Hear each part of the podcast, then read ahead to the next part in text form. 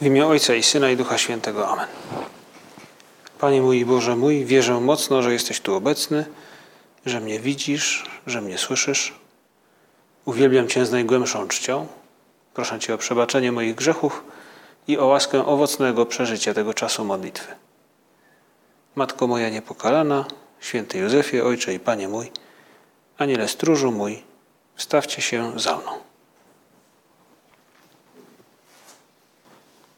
Zbieramy nasze myśli na początku naszej modlitwy.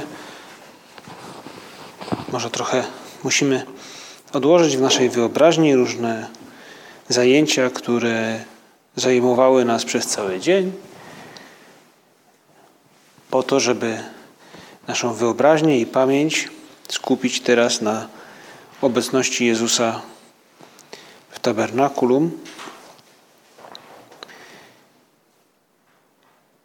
I w tej naszej rozmowie z Chrystusem dzisiaj towarzyszyć nam będzie jeden, można powiedzieć, element, fragment, moment, ale niezwykle istotny z historii człowieka, który w Starym Testamencie określony jest jako człowiek niezwykle e, sprawiedliwy, niezwykle kochający Boga, a jednocześnie człowiek, który sporo nagrzeszył. Można by powiedzieć, że nie jeden raz zachował się poniżej tej godności, poniżej godności relacji, jaka wiązała go z Bogiem. Mowa jest o Dawidzie. I w naszej rozmowie z Panem Jezusem ta historia poprowadzi nas drogą zrozumienia, że zrozumienia tego, że każdy z nas w gruncie rzeczy nie jest samodzielny. Bo Dawid znalazł się w takiej sytuacji, w której choć z trudem, ale dotarło do niego, że na skutek jego decyzji, jego postępowania, pewnych rzeczy nie da się odwrócić. On nie jest w stanie zmienić biegu historii, a chciałby. I Dawid otwiera się w tym momencie, kiedy to zrozumiał, na to, by Bóg mu pomógł. Cała historia grzechu Dawida o której słyszeliśmy wczoraj e, podczas mszy świętej. Można by ten temat jakby rozwinąć, rozwijać w dziedzinie e, strzeżenia jakby naszego serca od tego, od różnego rodzaju pokus. Akurat w tej dziedzinie, w której Dawid upadł, no, upadł w wielu dziedzinach przy tej okazji, ale jedna z, jedna z nich to sfera e, czystości, sfera serca, które mogłoby być czyste, a zostało zaślepione przez egoizm. To jeden z wątków, które można byłoby rozwinąć przy okazji właśnie tego upadku Dawida. Ale nie temu dzisiaj poświęcać będziemy naszą modlitwę. Bo dotyczy ona rozmowy Dawida z prorokiem Natanem. A tak naprawdę to Bóg posyła Natana po to, aby Dawida poruszyć i spróbować doprowadzić go do nawrócenia. Dawid popełnił błąd. Można powiedzieć, że błąd za błędem, cały łańcuch. Po pierwsze, był leniwy, został w domu, kiedy wszyscy poszli na wojnę. Po drugie, gapił się gdzie nie trzeba. Po trzecie, nie uciął na czas pokusy, która zaczęła rodzić się w jego sercu, a później cudzołóstwo, a później jeszcze zabójstwo.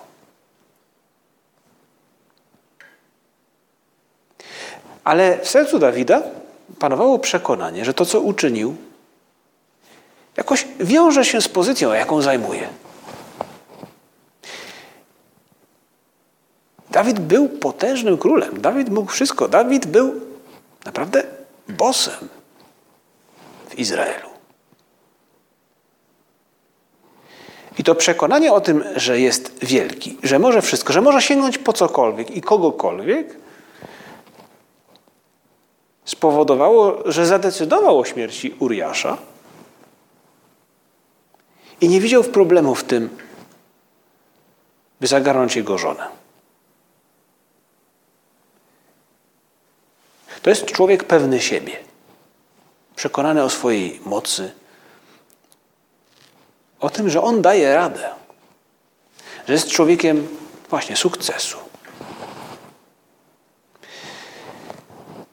Ale prawda jest inna i dlatego Bóg posyła do Dawida, proroka Natana, by mu to uświadomił.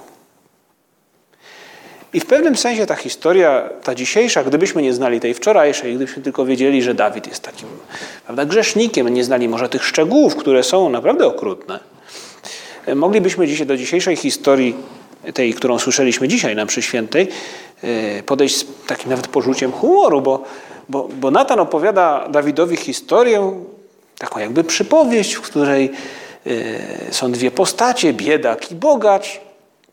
I ten bogacz maltretuje e, biedaka. I Dawid, w którym no, można powiedzieć, że jakieś e, zalążki porządnego człowieka dalej przecież pozostały, słysząc tę historię, mówi: Tak być nie może. To trzeba zmienić. Mówi mu tak. O tej historii Natan najpierw mu mówi, że bogacz zabrał owieczkę owemu biednemu mężowi i tę przygotował człowiekowi, co przybył do niego. A ta owieczka dla biedaka, jak mówi nam e, w tej historii Natan, to była no, jedyne jego zwierzę, jakie posiadał. Karmił ją niby swoje dziecko, troszczył się o nią niby jakby o, o, o swoją córkę. A bogacz przyszedł i zabrał i zjadł. I wtedy Dawid oburzył się i powiedział do Natana: Na życie pana człowiek, który tego dokonał, jest winien śmierci. Nagrodzi on za owieczkę w czwórnasób, gdyż dopuścił się tego czynu, a nie miał miłosierdzia. W tej historii też jest człowiek potężny, który myśli, że może wszystko i dlatego sięga po, po cudzą własność, popełnia wielką niesprawiedliwość. Nawet nie chodzi tylko o to, że to coś, co należało do innego, ale chodzi o to, czym była ta owca dla owego biednego człowieka. I dlatego też Dawid tak się unosi, tak się denerwuje i wtedy, wtedy można powiedzieć, że Bóg za pomocą Natana zadaje Dawidowi cios w serce. Ale jest to cios potrzebny po to, by Dawida obudzić. Bo mówi Natan do Dawida: Ty jesteś tym człowiekiem.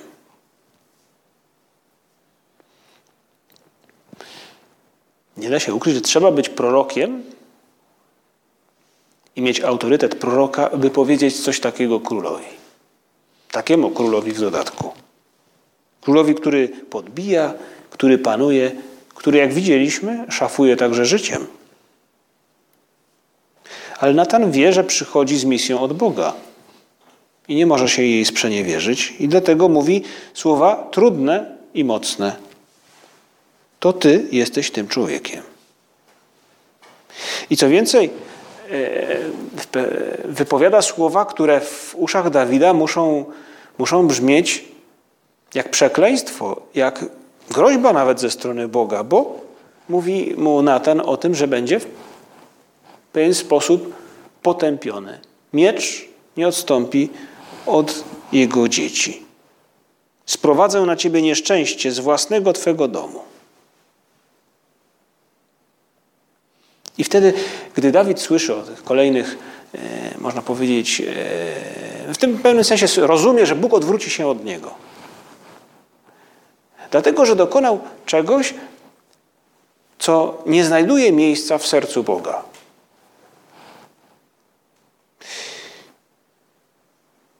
I ten pewny siebie Dawid zmienia postawę. To nie jest nawet zmiana postawy, on zrozumiał bo wielokroć później nazywany jest tym, który najbardziej ze wszystkich królów ukochał Boga. Dawid się nawraca. nie da się ukryć, że w tej relacji jego nawrócenie opisane jest jakby bardzo krótko, bo w kilku słowach. Bo tuż po tym, jak słyszy od Natana, że to ty jesteś tym człowiekiem i właśnie dlatego pewną karę zamierzył Bóg na ciebie, y, odpowiada Dawid rzekł do Natana: Zgrzeszyłem wobec Pana.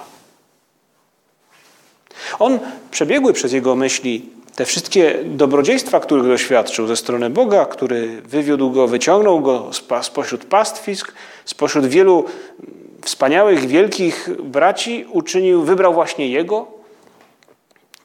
To ten Bóg, który pomógł mu pokonać Dawida, Goliata i, i potem kolejnych królów, kolejnych sąsiadów i y, wrogów Izraela.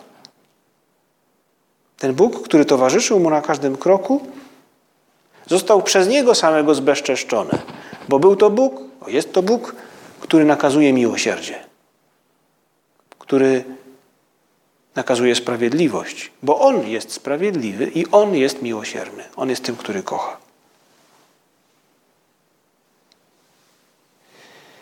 Dawid nie był nędznikiem, nie był łotrem bez sumienia. Był namaszczony, był wybrany przez Boga, ale czynił, uczynił zło. I dopiero w tym momencie uznaje, że postąpił źle. Do tej pory był przekonanym, był jakby przekonany do samego siebie. Był pewny siebie. Zrozumiał, że zaburzył pewien porządek, który jest poza nim, ale od którego wszystko zależy. Zaburzył sprawiedliwość, zaburzył szacunek wobec życia, także wobec drugiego człowieka i zrozumiał też, że sam nie jest w stanie doprowadzić do równowagi. Nie jest w stanie e, jakby odwrócić tego, co się wydarzyło, ale co więcej, nie jest w stanie też zmienić sytuacji swojej, tego, kim stał się, dokonując tych czynów. Nie jest w stanie sam stać się kimś, kto nie staje przeciwko Bogu.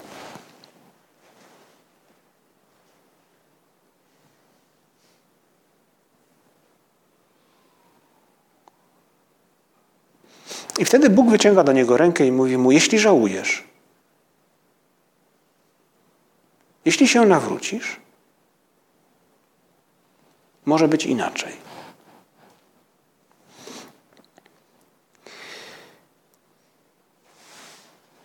Czasami zdarza się nam może w jakichś nocnych koszmarach y, właśnie drżeć, y, ponieważ przeżywamy jakieś rzeczy, których nigdy w życiu przeżyć byśmy nie chcieli. Wojny, jakieś tragiczne wydarzenia.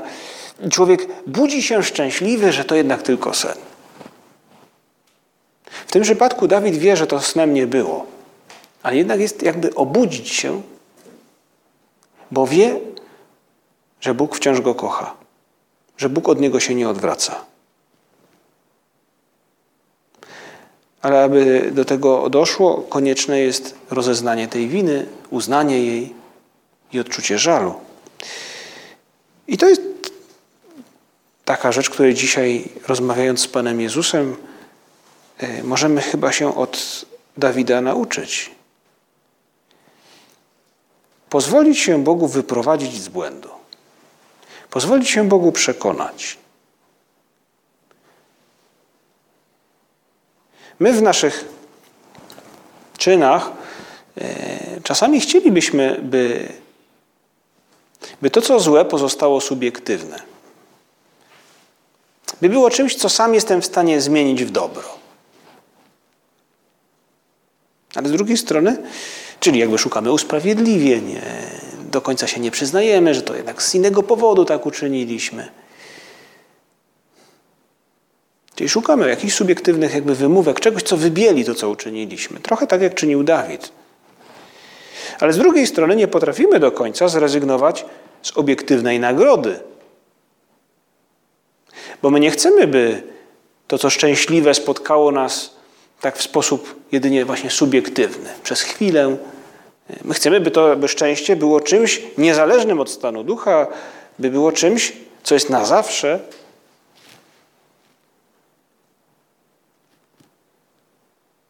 I Dawid zrozumiał, że y, jeśli chce żyć w prawdzie, a więc w tym, co jest obiektywne, w tym, co prawdziwe, y, ten jego czyn nie może pozostać w sferze subiektywnych wymówek albo pysznego uważania się, że ja mogę.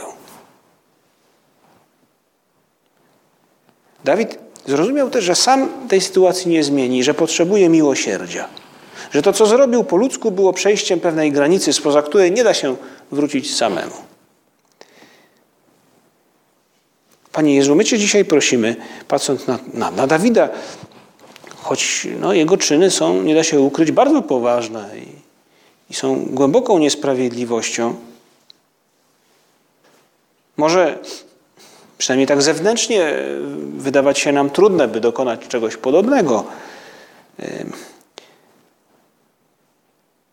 Ale wewnętrznie, w naszych upadkach, grzechach, dziś ta postawa Dawida, to co się w nim dokonuje, pomaga nam, a może nam pomóc przynajmniej, zrozumieć, czym jest żal. Żal za nasze grzechy. Czym jest nawrócenie? Czy zdajemy sobie sprawę z tego, że potrzebujemy miłosierdzia? I to trochę niezależnie od tego, jak wielkie, jak ciężkie mogą wydawać się nam nasze grzechy. Bo choć Natan rysuje całą tę bawną opowieść o owieczce, o, tych, o, dwóch, o dwóch właścicielach, bogaczu, biedaku, o tej owieczce i tak dalej, można powiedzieć, że, że nie mówi dużo o ciężarze winy Dawida. To, co mu daje do zrozumienia, to to, że postąpił przeciwko tej miłości, którą Bóg, mu, którą Bóg go obdarzył. Czyli jakby wykroczył przeciwko temu, co Bóg ma w sercu.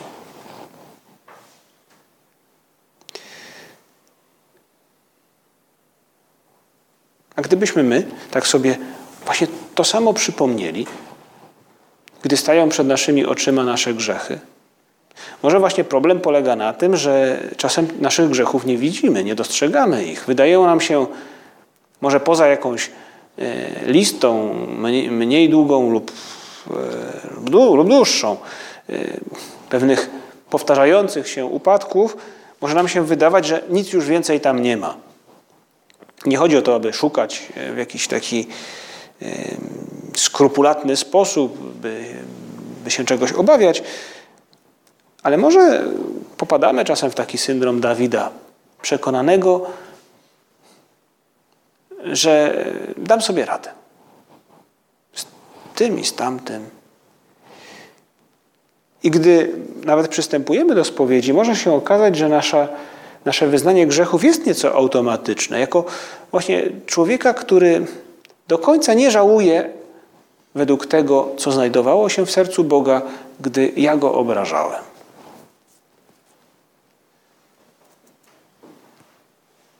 Dawid jest poruszony gdzieś głęboko w swoim sercu, gdy słyszy o tym, czego miałby jakoby dokonać ten bogacz wobec biedaka. My Cię, Panie Jezu, prosimy, pomóż nam zrozumieć coś podobnego wobec nawet tych małych naszych grzechów.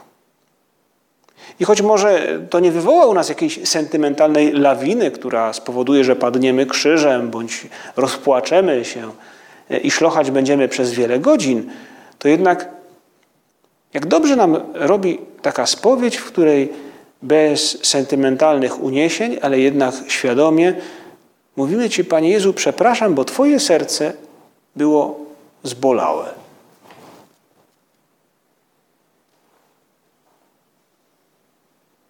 Pomóż nam, Panie Jezu, zrozumieć, bo na tym właśnie polega żal, prawdziwy, dobry żal za grzechy, polega na tym, by uznać, że ja sobie sam nie poradzę, że potrzebuję wyciągniętej ręki Boga, Jego miłości, która mnie obejmie i która mnie podniesie, którą uraziłem. Taką postacią, która zrozumiała to bardzo dobrze, jest dobry Łotr.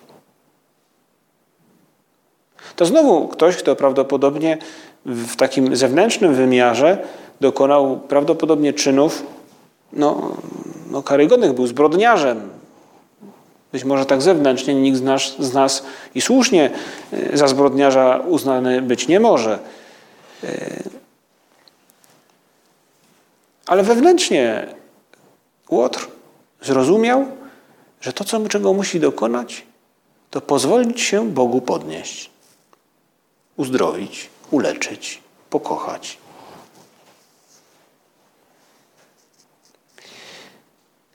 To jest okazja, ten, ta historia Dawida, żeby przyjrzeć się naszej spowiedzi świętej.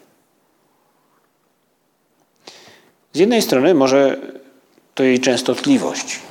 Wiemy dobrze, że Kościół zachęca do tego, by spowiadać się regularnie. E,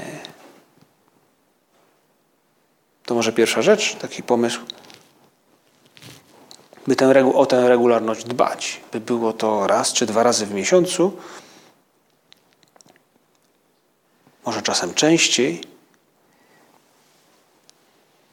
Nie ze skrupułów, ale dlatego, że stając przed Bogiem w postawie Dawida, który się nawraca, pozwalamy się objąć miłości Pana Boga, która z kolei jest dla nas źródłem, impulsem e, do tego, by działać dobrze. Nie, nie tylko jakby zabezpiecza nas, chroni nas przed grzeszeniem i kolejnymi upadkami, ale odczuwanie w naszym sercu czegoś na wzór miłości Boga w postaci żalu bądź aktywnej miłości sprawia, że stajemy się lepsi, że jesteśmy bliżej Niego. Można powiedzieć, że to taki żal leczniczy, który już jest darem Pana Boga dla nas.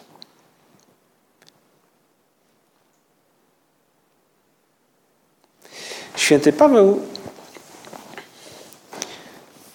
w liście do Rzymian mówi tak, o, jest jakby przekonany o tym, że jest w nim jakby no, coś, z czym walczy. Jest w pewnym sensie niewolnikiem grzechu. Jestem bowiem świadom, że we mnie, to jest w moim ciele, nie mieszka dobro, bo łatwo przychodzi mi chcieć tego, co dobre, ale wykonać nie.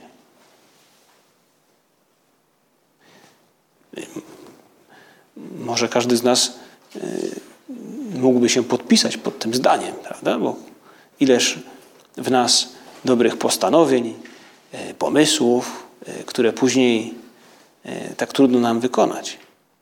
Nie mówi dalej. Nie czynię bowiem dobra, którego chcę, ale czynię zło, którego nie chcę. Jeżeli zaś czynię, jeżeli, jeżeli zaś czynię to, czego nie chcę, już nie ja to czynię, ale grzech, który we mnie mieszka.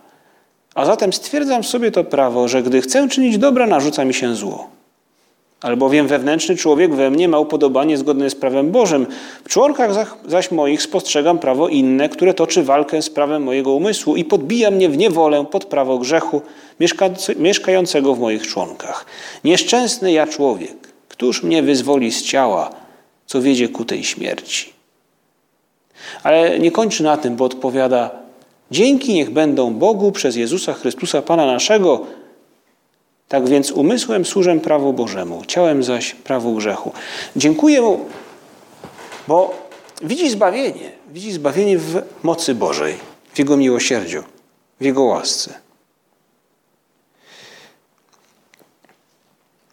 Dobrze jest uzmysłowić sobie, że, no, że, że żałując, stajemy przed Bogiem, który kocha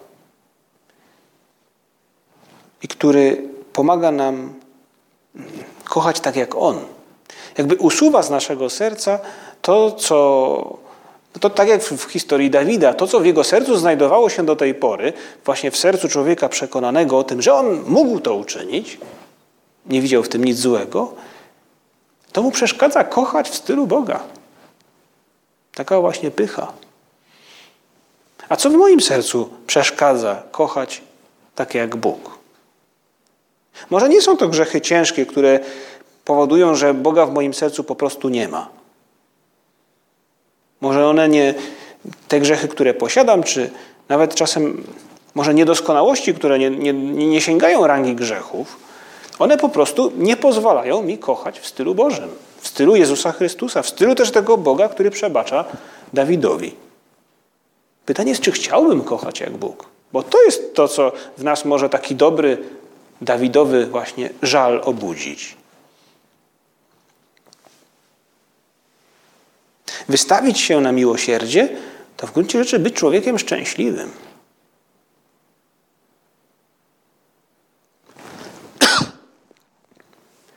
Poprzedni prałat Opus Dei, Don Javier, opowiadał taką historię, którą pewnie ktoś mu opowiedział, o, o, o pewnej kobiecie z, z Opus Dei, która starszej i głuchej, która e, poszła kiedyś do spowiedzi i, i, i rozpoczęła jakby do konfesjonału, podeszła, rozpoczęła wyznawać grzechy i nagle zorientowała się, że za kratką nie ma księdza.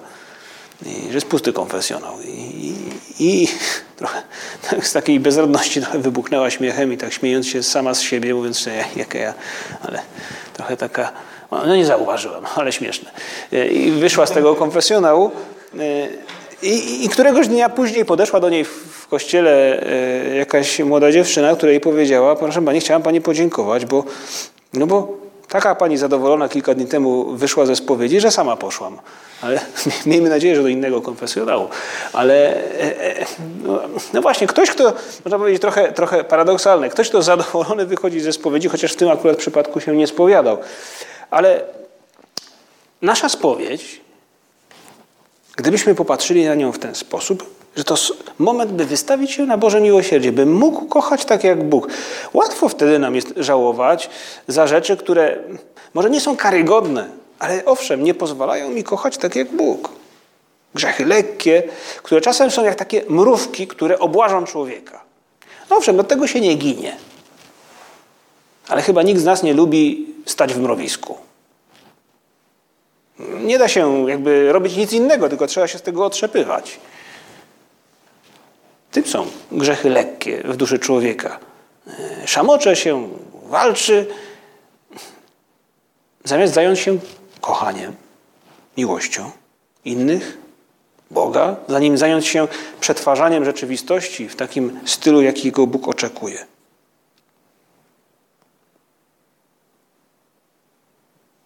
Ten żal by wzbudzić sobie taki właśnie żal, warto nazywać rzeczy po, po imieniu, z czego to wynika, nazywając to może jednym, e, z, no, nazwą jednego z grzechów głównych, że to wynika z lenistwa, to z pychy.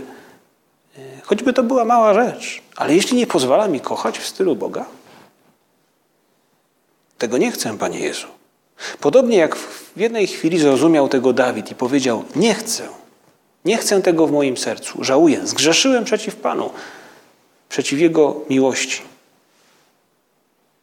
Ta historia opowiada nam o tym, jak miłosierdzie rozbija w pył bezsilność człowieka, który nie jest w stanie zmienić biegu historii. Ta, to miłosierdzie Boże rozbija e, bezsilność także człowieka, który miał wszystko. Prosimy Cię na koniec, Panie Jezu, rozbijaj Twoim miłosierdziem naszą znieczulicę, nasze, naszą pychę, lenistwo, te wszystkie wady i grzechy, które w naszym sercu blokują Twoją miłość. Pomóż nam żałować właśnie tak, doceniając to, jak Ty nas kochasz. I Maryję także na koniec prosimy, która jakby czeka na nas jako na skruszone swoje dzieci, skruszone nie wobec niej, ale wobec jej syna. Prośmy Maryję, by nam pomogła żałować tak, by spoglądając na nas mogła być zadowolona, by mogła się cieszyć, patrząc, by mogła patrzeć z zadowoleniem na to, jak przyznajemy się do naszych błędów, po to, by Bóg nam pomógł, po to, by kochać tak jak On. Dzięki Ci składam Boże mój za dobre postanowienia, uczucia i natchnienia, którymi obdarzyłeś mnie podczas tych rozważań. Proszę Cię o pomoc w ich urzeczywistnieniu. Matko moja niepokalana, święty Józefie, Ojcze i Panie mój, Aniele stróżu mój, wstawcie się za mną.